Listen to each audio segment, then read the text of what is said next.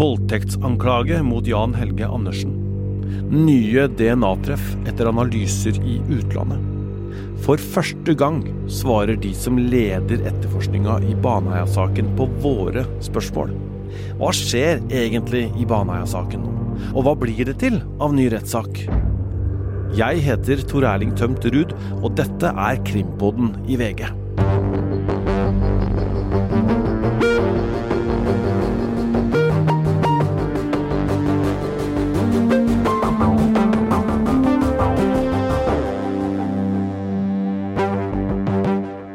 Viggo Kristiansen blei dømt til forvaring for drap i Baneheia.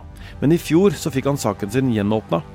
Nå er det blitt etterforska på nytt, og vi venter på en avgjørelse fra Riksadvokaten om hva som skjer.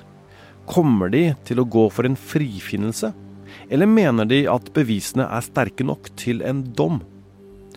Nå er det varsla at selve avgjørelsen ikke kommer før etter sommeren, men i mellomtida så har det kommet noen nye opplysninger og elementer i saken som vi kan snakke om. Det er Oslo-politiet som etterforsker Baneheia-saken nå. Og den etterforskninga har du fulgt, krimjournalist i VG, Morten Hopperstad. Hva er det politiet har gjort i den nye etterforskninga? Ja, Det er jo Oslo politidistrikt da, som fikk tildelt ansvaret med å etterforske mm, Baneheia-saken på nytt. Mm, de har holdt på i et drøyt år nå. Um, og de har bl.a. Uh, sett og danna seg en ny, sin egen tidslinje Og hva som skjedde uh, fredag 19. mai i Baneheia i 2000.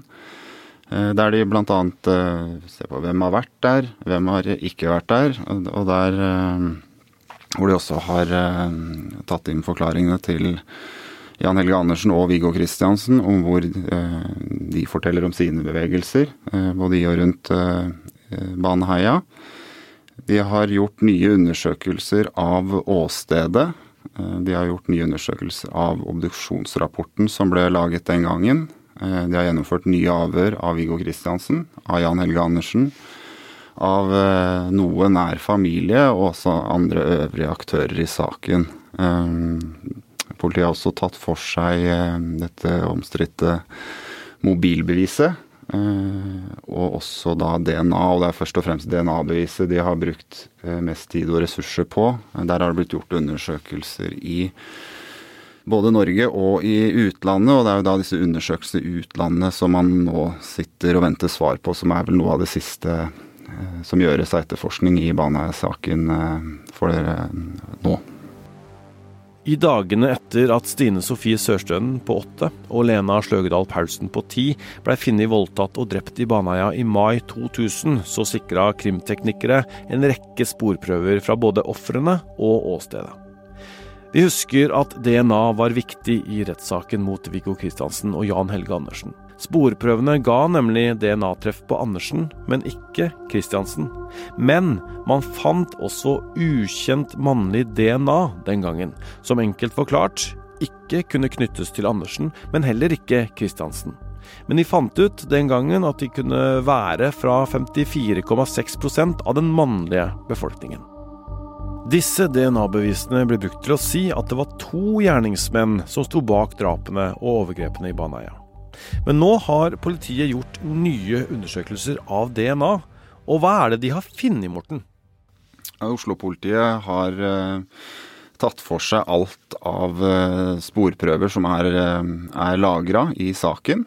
noe er undersøkt i Norge, mens da resten, og egentlig alt som de tror de kan få nye svar på, er da også sendt til utlandet. Eh, de første undersøkelsene som ble gjort i, i Norge, de ga eh, flere nye funn eh, mot Jan Helge Andersen. Disse funnene beskrives som handlingsrelaterte, og er da funnet på det eldste offeret, altså Lena Sløgedal Paulsen. Det som, det som, er spennende med disse funnene, er at for over 20 år siden, når Jan Helge Andersen forklarte seg Eh, om saken, så påsto han at han hadde eh, forgrepet seg mot eldste jenta. Men så ble han konfrontert av politiet om at de har gjort DNA-funn på den yngste. For det fant de den gangen? Det fant de den gangen. Og da, da mente jeg at da må det ha vært hun yngste, eh, ifølge Andersen. Eh, slik at han ble dømt for eh, overgrep mot den yngste, eh, mens han ble dømt for medvirkning til overgrep mot da hun eldste. Slik at de nye funnene nå vil jo stille spørsmål om han har vært mer aktiv på åstedet, og kanskje da forgrepet seg mot, mot begge jentene. Og Dette har han også blitt konfrontert med i avhør i, i fjor høst, hvor han da er usikker.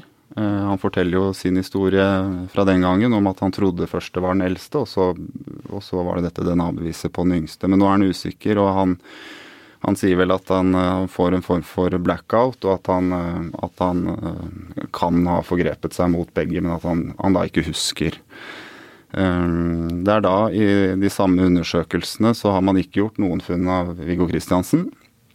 Og nå etter nyttår så har jo da også et institutt i utlandet gjort undersøkelser av bl.a. mikroskopglass. Altså man har tatt vare på på glass som ble brukt i undersøkelser i Baneheia-saken. Det er disse, disse, flate glassene som man setter opp hverandre og tar under mikroskopet? Ja, det er riktig.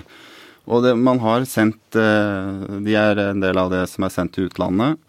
Og da har man klart å åpne disse glasset og, og få ut sporprøver i håp om at man kan få nye svar.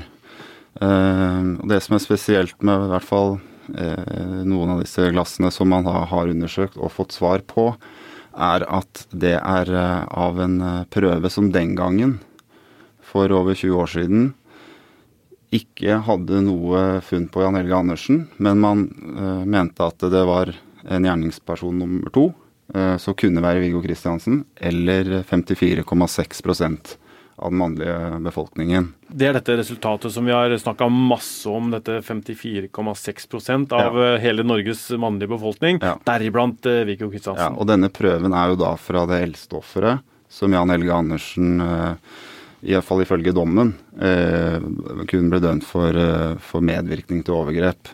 Uh, undersøkelsene i utlandet nå de uh, gir kun treff på Jan Helge Andersen fra denne prøven.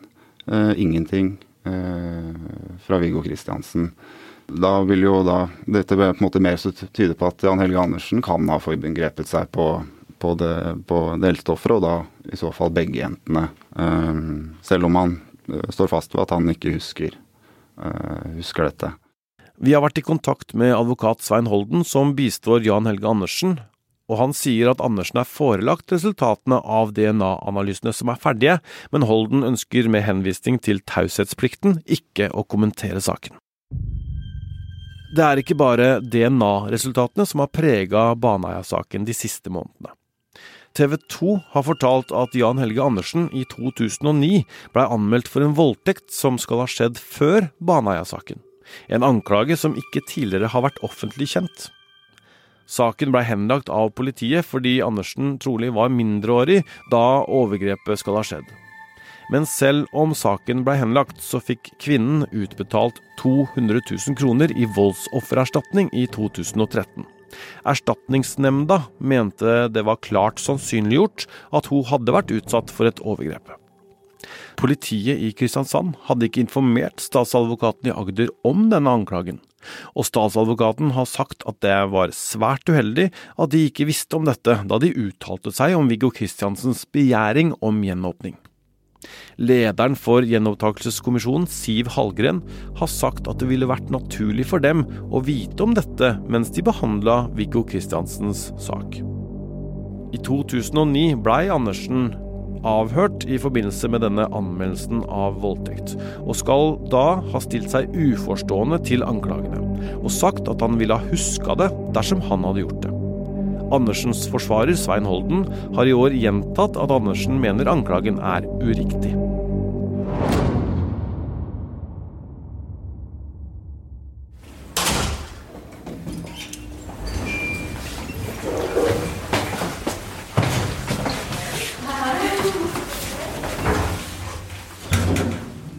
Da er vi i heisen nedover eh, til eh, resepsjonen, Øystein. Ja, det er vi. Nå kommer statsadvokatene som har ansvar for Baneheia-saken. Ja, de gjør det. Så det blir spennende å høre nå hva de har å si helt på tampen av den etterforskninga som vi vet pågår. Hei sann. God dag, dag. Tor Erling. Hei, du. Hei, Øystein. Dag, dag. Tor Erling. Velkommen. Da skal vi prøve å snike oss inn den døra der. Skal vi gjøre det? Slipper vi å gå Og nå sitter de i det lille studioet vi bruker. I retten så ser vi dem med svart kappe, men nå har de på seg vanlige kontorklær. Andreas Skei med genser over skjorta, og Johan Øverberg med dressjakke. Det er ikke så ofte statsadvokater er i studio sånn, så alle er litt uvante med situasjonen, men de forteller om at de starta på scratch. De visste ikke noe mer om saken enn deg og meg på forhånd, og sammen med Oslo-politiet så begynte de et nytt kartleggingsarbeid over hvem som var i Baneheia og hva de gjorde. Og som vi har hørt, så ville de undersøke om de kunne analysere DNA på nytt, se på mobildata, undersøke åstedet, de har også gått gjennom obduksjonsrapporten og undersøkt våpen. Men hva har de funnet? Det er Johan Øverberg som svarer først. Eh, vi har fått eh, en eh, del nye svar i forhold til DNA. Hmm. Vi har også fått nye opplysninger knyttet til åstedet. Da tenker jeg jo på nye sakkyndige på dette med spor på de avdøde. Altså åstedsspor. Det er jo kanskje noe av det mest sentrale, da. Hva kan du si om eh, DNA-svarene dere har fått? Ja, Vi skal vel ikke gå inn på dem, eh, men, men eh, vi har jo fått noen Vi har fått noen DNA-svar vi har veldig mange flere DNA-treff, for å si det sånn, enn det man hadde fra før av. Har dere fått alle? Alle tilbakemeldingene dere trenger? Om det Om er helt uh, fullført? Nei, det er det dessverre ikke. Og det er jo Det er egentlig hovedgrunnen til at dette har trukket uh, ut i tid. Og det har trukket ut i tid i forhold til hva vi hadde regnet med også. Og mer og mer.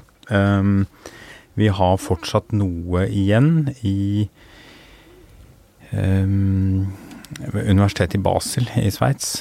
Um, og det er ganske sånn Ja, det er, det er små prøver, skråstrek uh, litt sånn um, eksperimentell uh, eksperimentelle øvelser som skal gjøres for å, for å for å forsøke å få det analysert, men, men det vi prøver på, er jo å få dette best mulig opplyst, selvfølgelig. Altså, når dere blir ferdig med de siste undersøkelsene, forsvarende på din, på din undersøkelsen, tenker dere at eh, nå har man gjort alt det man kan i 2022 eh, med 2022-metoder eh, for å få så mange svar som mulig eh, om hva som skjedde i Baneheia i, i mai 2000? Ja, det er jo målet, da. Mm. Har dere vært på åstedet selv? Ja. Hvordan var det? Det var jo spesielt. Jeg har ikke vært i Baneheia tidligere, så vi tok eh, et par dager i Baneheia, jeg og Skei og, og, og, flere. Eh, politiet har jo også hatt sine egne turer dit, de som jobber med oss. Sånn at eh, det var nyttig. Det var spesielt, men det var nyttig. Det er nyttig å se sted med egne øyne. Gå opp eh, aktuelle ruter. Gjøre seg opp eh, egne oppfatninger om både avstander, tid og, å få et, et, bedre innblikk. Så det er klart det er ingenting som kan erstatte det å selv være på stedet. Hva har da overraska dere? Jeg vil ikke si at det nødvendigvis er noe som har uh, overrasket meg når jeg var på selve åstedet. Det er jo et, det er jo et spesielt si, turområde. Det er jo flere små vann.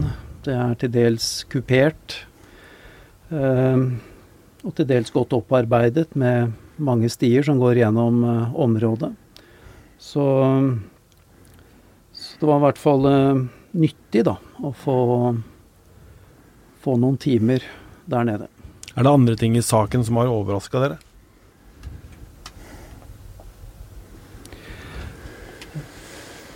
Det kan godt være ting i saken som har overrasket meg, uten at jeg nødvendigvis vil komme inn på det akkurat eh, her og nå. Eh, det har vært en lang etterforskning.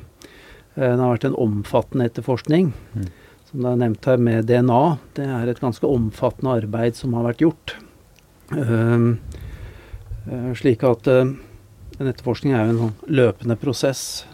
Man får nye svar, og så må man gjøre seg opp en oppfatning om hvordan man skal gjøre gå videre eh, eh, ut fra de svarene man får. Og innimellom så får man jo overraskelser. Mm. Eh, men hva som er den største overraskelsen, det, det blir litt feil om jeg begynner å kommentere akkurat nå. Så ble det jo kjent at det forelå noen voldtektsanklager mot Andersen fra tiden før Baneheia-saken, som ikke var kjent offentlig. Hvordan kom de fram? Det var jo et sånt uh, gjøremål i etterforskningen da, som vi si, hadde på blokka. Uh, nemlig å se, å se etter om det var noe som hadde gått under radaren når det gjaldt begge to.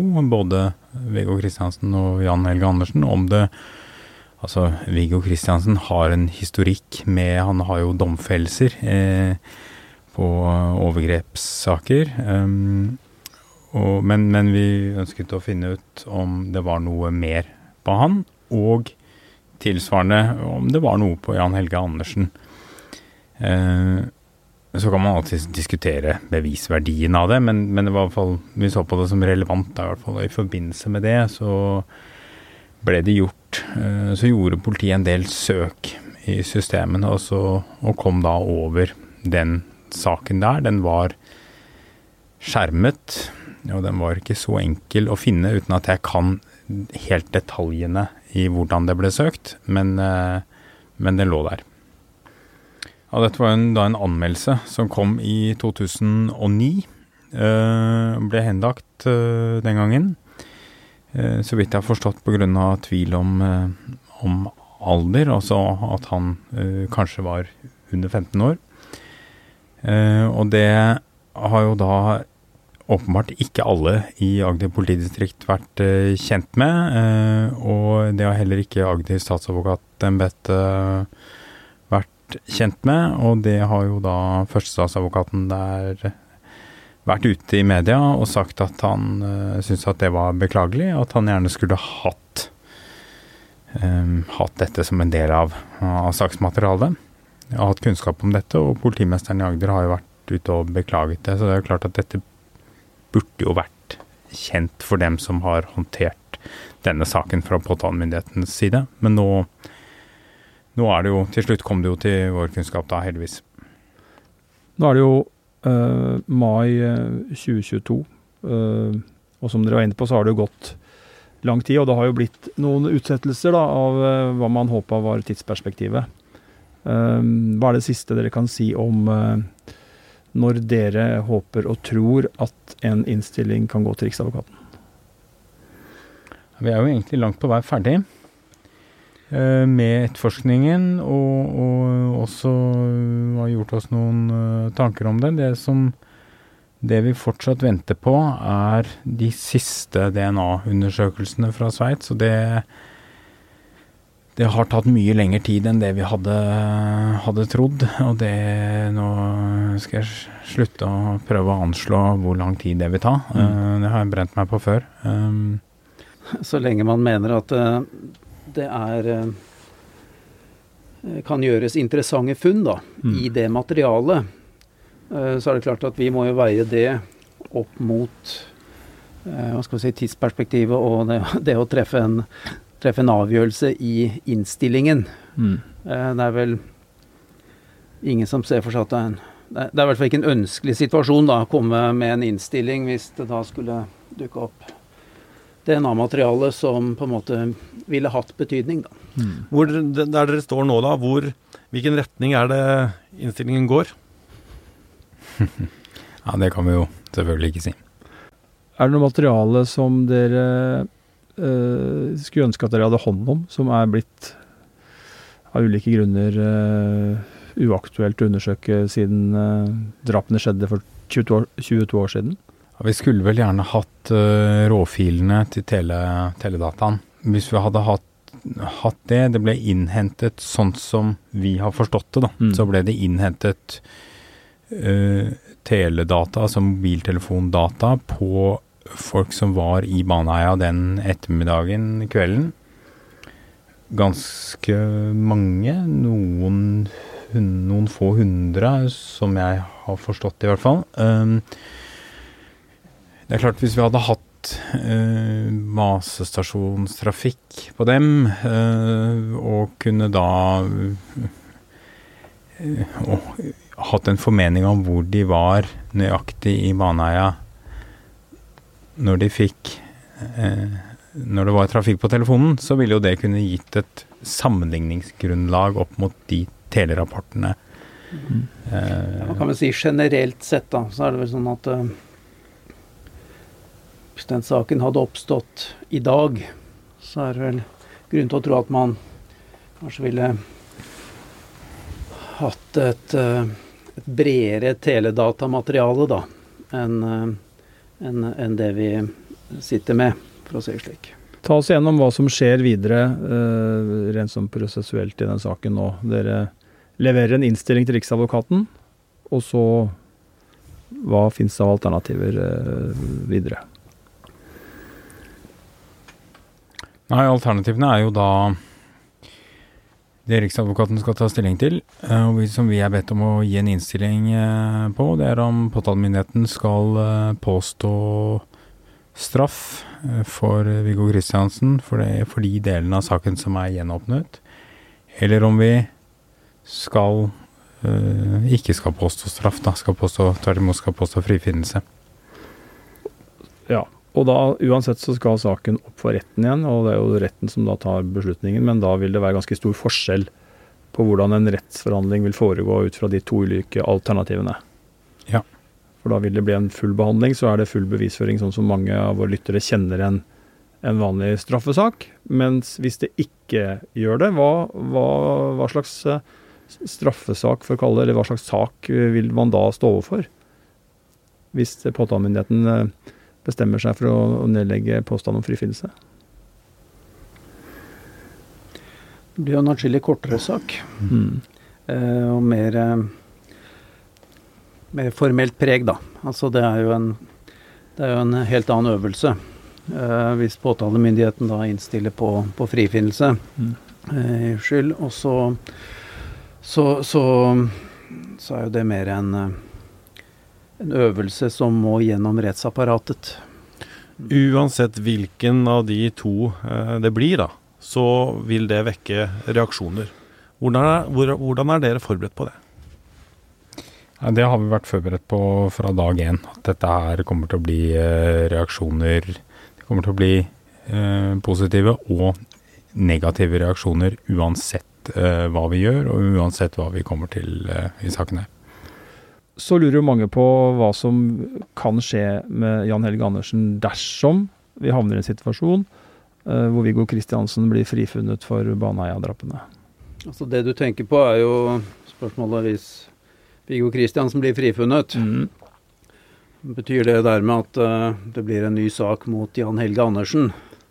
Uh, saken mot Jan Helge Andersen den er jo rettskraftig avsluttet. Mm. Og det vil jo forutsette at uh, straffesaken mot ham gjenopptas. Mm. Og det vil jo, det er visse krav i den forbindelse i forhold til at det må foreligge nye opplysninger av betydning. Og forutsetter jo også at uh, påtalemyndigheten da fremmer en slik begjæring. Altså Teoretisk sett så kan man jo tenke seg at uh, også en sak mot Jan Helge Andersen kan bli gjenopptatt teoretisk sett, hvis man skal snakke gjennom ulike alternativer. Mm.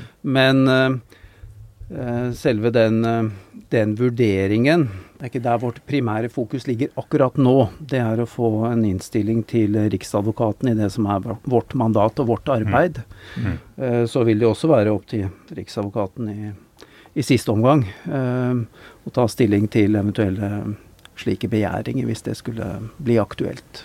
Og nå er dere på oppløpssida når det gjelder denne innstillingen. Hvordan har det vært å jobbe med denne saken?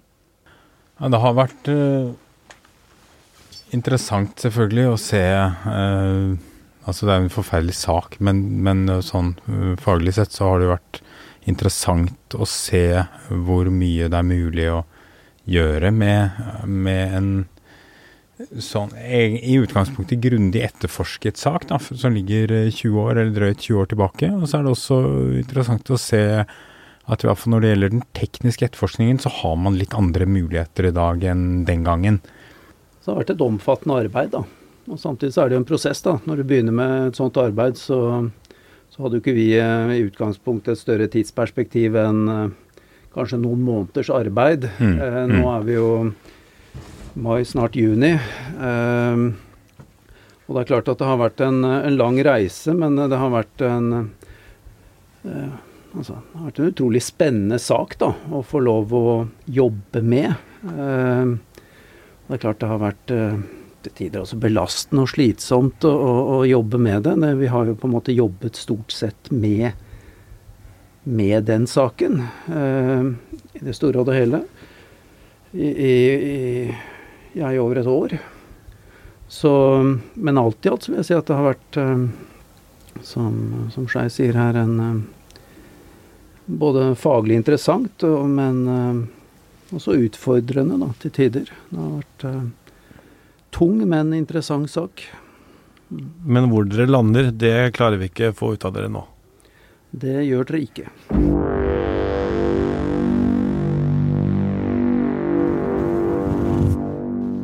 Ja, Øystein, nå har vi eh, kommet tilbake til det lille studioet vårt. Vi har flere studioer her i, i VG, men dette lille rommet det er liksom der vi pleier å snakke sammen. Da. Og nå har vi hørt eh, disse tingene som har kommet fram i, i Baneheia-saken i år. Eh, og vi har snakka med statsadvokatene. Vi, vi, må, vi, må, snakke om dem først, Øystein. Hvordan tolker du svarene deres? Jeg syns det er vanskelig å tolke det, og det mm, er jo for så vidt veldig bra. For jeg tror at de og Oslo-politiet har en veldig eh, nøytral, objektiv tilnærming til eh, hele denne saken. Som det er veldig steile fronter i fra før, og som det er mye historikk i. Så jeg syns det virker som de har behandla dette veldig klokt. Um, og så De utfører de etterforskningsskrittene de mener de kan. Forsøker å, som de sa, vente, tenke at det er lurt å vente på at man har gjort alle de ja, prøvd alt, da. Så man ikke nå setter strek før man har eh, gjort en så solid og grundig jobb som mulig. Så det, det syns jeg det tyder på at eh, de gjør. Jo, men vi prøver jo å få dem til å si noe om hva de eh, ender opp med, da, ikke sant? Hvilken innstilling de går for. Er det noe å lese i det de sier? Nei, det syns jeg er vanskelig å begynne å spekulere i og, trekke noe ut av hva de innerst inne tenker. Eh, nå skal de få de siste DNA-svarene, som vi hørte, som kommer fra Sveits. Eh, og så var det jo veldig uklart når det kan være ferdig. Det var et krevende nybrottsarbeid, forsto vi. Og så hørte vi at det var eh, Oslo-politiet som har eh, klart å grave fram Eh, disse, eller denne anmeldelsen mot eh, Jan Helge Andersen, og at den nå har blitt kjent. Den var jo ikke offentlig kjent før. Hva tror du det har å si for saken? Det er jo eh, veldig rart og veldig beklagelig at ikke dette har ligget i saken før. Det er helt åpenbart relevant. Så det stusser jeg veldig over. At dette ikke har blitt lagt inn der. Og så fordi at Det statsadvokatene ønsker, som de òg sier, er jo at de ønsker å ha all mulig relevant informasjon tilgjengelig. Og de har jo til og med på et tidlig stadium uh, tenkt at det å se om det fins historikk uh, hos noen av de to som den gang da ble dømt, som er interessant å ha med seg.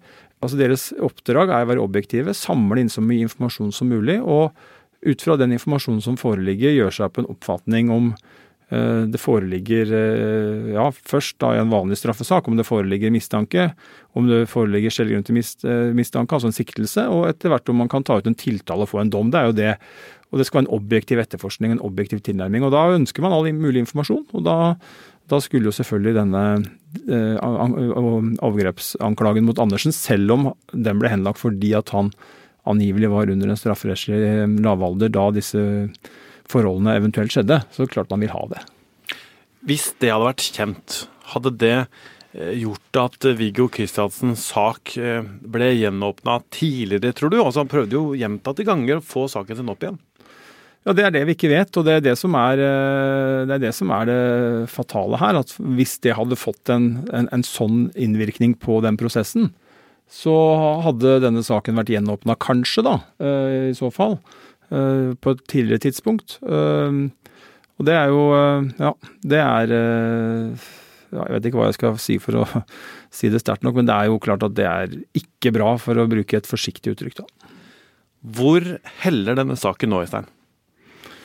Ja, Nå vet jo ikke vi alt. Vi har ikke innsyn i den etterforskningen. Vi har ikke innsyn i de saksdokumentene. Vi har forholdt oss til at det har kommet noen uh, lekkasjer og noen drypp her og der. Uh, og så gjenstår det også noen uh, analyser som vi må for ordens skyld ta forbehold om. Men jeg har veldig vanskelig for å skjønne at man har en sak som påtalemyndigheten tenker kan gå i retten for, med mål om å få en dom mot Viggo Kristiansen. Jeg syns, jeg syns etterforskningen klart har, har svekket den saken. DNA-funnene Uh, forteller jo at uh, Jan Helge Andersens eh, DNA er på andre steder og må være avsatt på andre måter enn det han har forklart seg om. det svekker jo hans For det første så åpner det en mulighet for at han har gjort mer på åstedet enn det han har forklart. Han har jo selv snakka om at han kan ha hatt et blackout, har vi lest.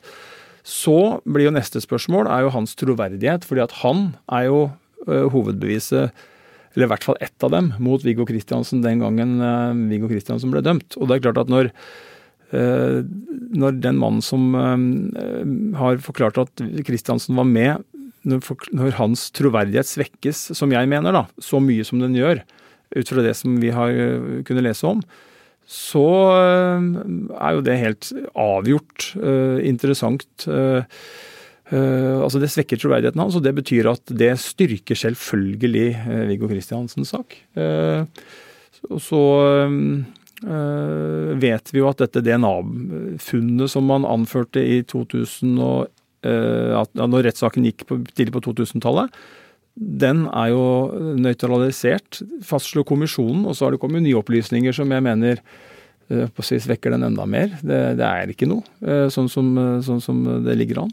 Og Da mener du den, den prøven som viste at over 50% av den mannlige befolkningen kunne vært, ikke sant? Den omstridte prøven C25, ja. som 54, Man hadde en analyse fra Spania, var det vel. 54,6% av norske menn kunne denne, dette DNA-sporet, det var jo ikke noe profil, men denne DNA-materialet kunne stamme fra 54,6 norske menn. Um, um, og da ikke Jan Helge Andersen, men, men Viggo Kristiansen. Og så har vi jo hørt, uh, og det har jo kommet frem før, at det har vært andre prøver hvor det har dukka opp fire menn i denne prøven.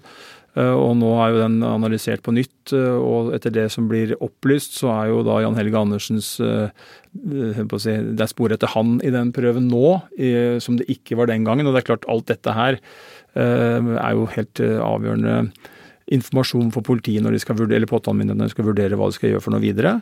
Eh, og så har man, eh, som kommisjonen påpeker òg, dette mobiltrafikk, mobiltrafikken til Viggo Kristiansen, som jo retten, sånn jeg leser det, hoppa bukk over. I, eh, kanskje litt å ta i litt, da, men i hvert fall ikke la, la ikke noe vekt på det, sånn som jeg leser det.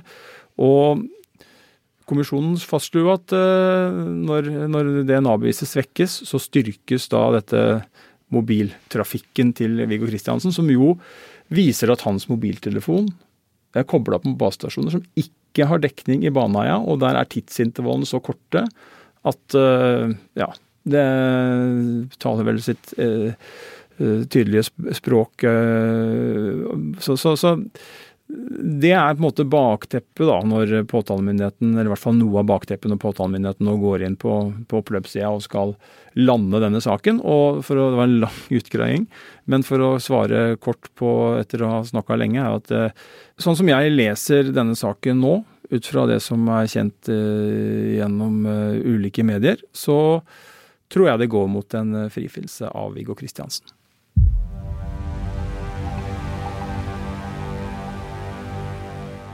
Viggo Kristiansens forsvarer Arvid Sjødin følger den nye etterforskningen tett. Han ante ingenting om voldtektsanklagene mot Andersen før eh, TV 2 rapporterte om dem.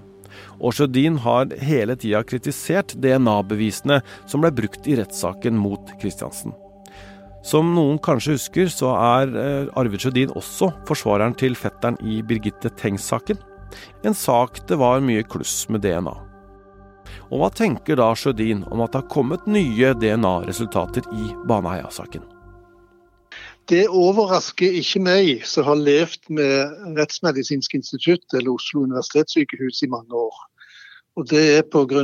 den såkalte Birgitte-saken i utgangspunktet, hvor eh, man forsøkte å få fetteren inn i DNA-en, eller HLA-en som det het i den tiden. Eh, sånn at når jeg så at det var de som hadde konkludert med de bevisene som var i DNA eh, når jeg kom inn i saken, så var ikke jeg i tvil om at det måtte etterforskes på nytt. Og det har jo vist seg å stemme, og at det der er da nye bevis i ettertid. Så har nok ikke noe, det noe, alt noe med at de har gjort feil hele veien, men det har nok òg noe, noe med ny utvikling å gjøre på DNA-fronten, som har jo gjort at i dag er man mer i stand til å finne ting. Sånn at dette som nå er gjort, viser jo at uh, der man da knyttet Viggo til åsted, der er det ingenting igjen. Og at alt er knytta til den andre personen som var involvert i saken. Og det er veldig bra for Viggo. Og så er det voldtektsanklagen mot eh, Jan Helge Andersen, eh, som ikke har vært kjent. Hva tenkte du da du fikk eh, høre om den? Nei, da ble jeg litt forundret. Det starta med at en fikk høre noen rykter, men en hadde jo ingen bevis. Og så når han da fikk dokumenter på dette fra Oslo-politiet, som da hadde virkelig lagt seg i selen og funnet dette, så må jeg si jeg ble meget overrasket. Ikke nødvendigvis på bakgrunn av den anmeldelsen som lå, men at den var blitt holdt skjult for alle aktører. Eh, og da tenker jeg på for eh, statsadvokaten angivelig, for forsvarerne og for gjenopptakelseskommisjonen. Det sier seg selv at når det, man står overfor en så alvorlig sak som Baneheia-saken, så skal den type informasjon ikke skjules. Den skal være åpen, og den skal være med i vurderingen. Hvor tror du denne saken eh, går hen? Jeg forholder meg til det regelverk som man har i Norge.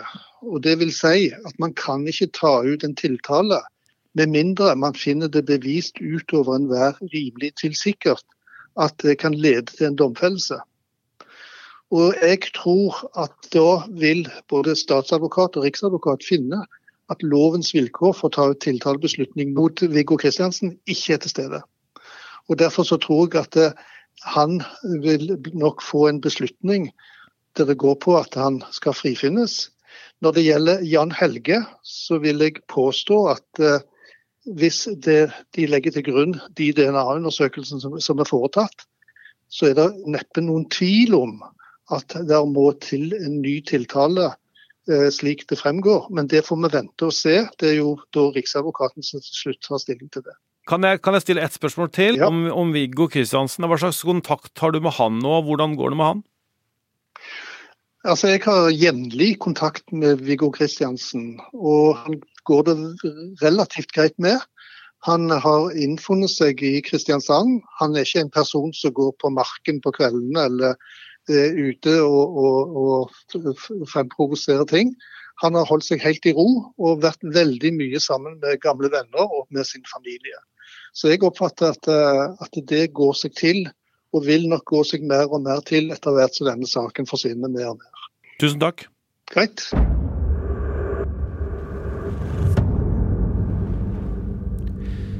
Vi har vært i kontakt med bistandsadvokatene til foreldrene til de to drepte jentene, og de ønsker ikke å kommentere saken nå. Riksadvokat Jørn Sigurd Maurud opplyste denne uka til NRK at det trolig ikke kommer noen avgjørelse i Baneheia-saken fra ham før etter sommerferien. Anna Tørmoen har jobba med denne episoden sammen med Øystein Milli og meg, Tor Erling Tømterud. Produsent for Krimpodden er Vilde Våren.